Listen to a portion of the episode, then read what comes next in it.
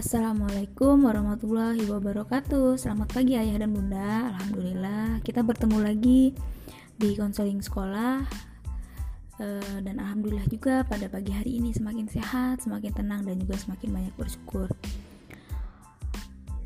Mengutip dari pembicaraan beberapa pertanyaan orang tua saat konseling bersama saya Salah satunya ialah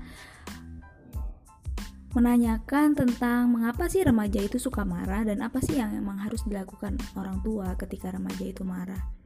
Nah, dari pertanyaan tersebut, saya ingin membahas beberapa poin penting yang dapat dilakukan ayah dan bunda.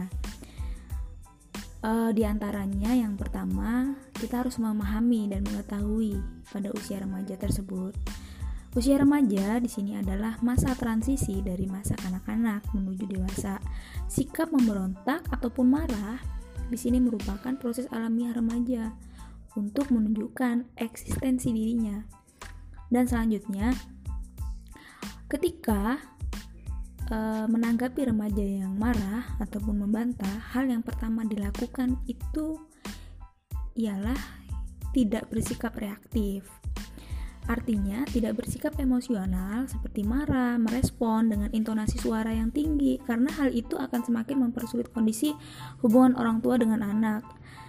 Nah, selain itu juga ada orang tua perlu mencari tahu penyebab yang sebenarnya itu apa, penyebab yang dirasakan oleh anak, karena kemungkinan anak merasa bahwa kita sebagai orang tua terlalu memaksa kehendak atau mungkin kita sebagai orang tua terlalu banyak aturan yang emang harus dilakukan sehingga anak itu cenderung menjadi ingin membela diri atau menolak apa yang hendak kita sampaikan kepadanya. Selanjutnya, ayah dan bunda pun juga perlu menjalin komunikasi dengan baik, seperti mengajak anak untuk berdiskusi tanpa emosi negatif, agar dapat menemukan solusi yang tepat, saling terbuka terhadap anak, begitupun anak akan terbuka dengan orang tua.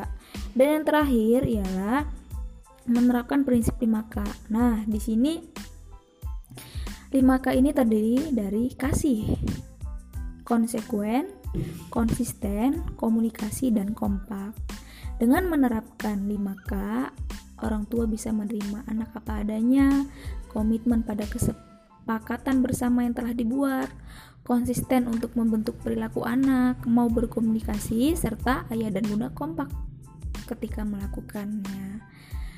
Sekian poin-poin penting hari ini, pertanyaan-pertanyaan yang dari uh, orang tua dan jawaban-jawabannya semoga semoga bermanfaat.